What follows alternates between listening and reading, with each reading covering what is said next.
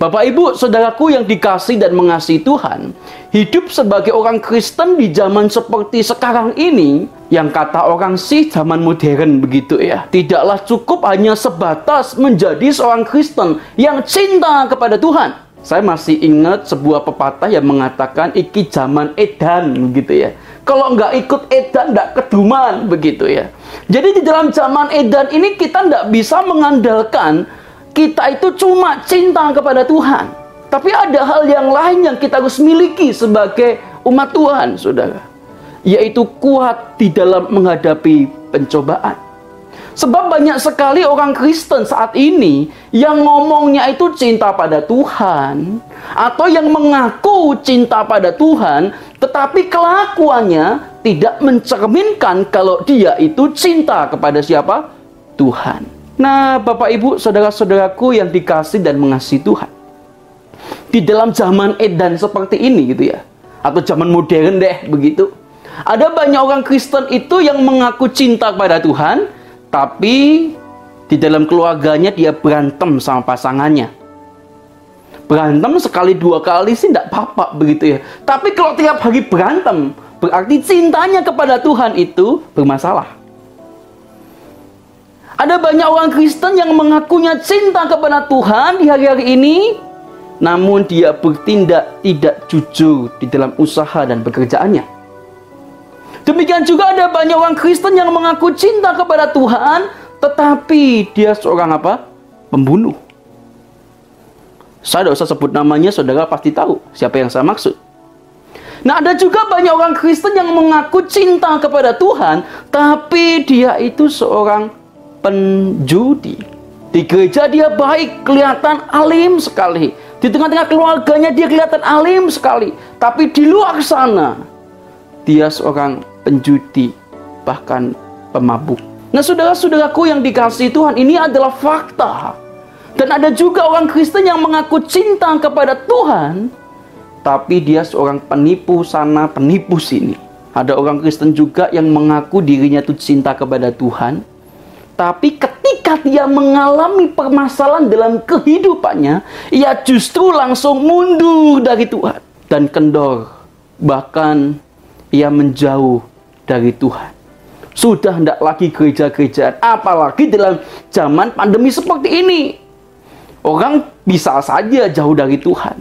Kita nggak ngerti dia jauh dari Tuhan atau tidak, saudara. Namun ada model orang Kristen yang demikian. Tatkala ada banyak pergumulan, bukannya malah datang kepada Tuhan, mencari pertolongan Tuhan, justru dia menjauh dari Tuhan. Karena dia merasa selama jadi orang Kristen, kok hidupnya tetap aja ada pergumulan, ada tantangan. Ditambah lagi pandemi seperti ini. Bapak Ibu, saudara-saudaraku yang dikasih dan mengasihi Tuhan. Oleh karena itu saya mau katakan kepada Bapak Saudara, selain cinta kepada Tuhan, sebagai orang Kristen, kita itu harus kuat.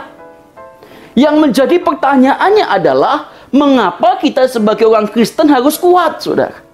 Yang pertama adalah, godaan itu selalu ada. Manusia hidup itu tentu ada tantangan tentu ada godaan, sudah. Tanpa godaan kita itu tidak bisa bertumbuh dengan baik.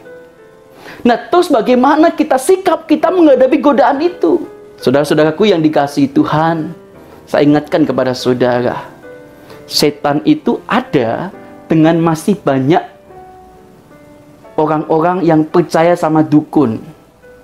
Itu adalah menyatakan bahwa setan itu masih ada zaman sekarang.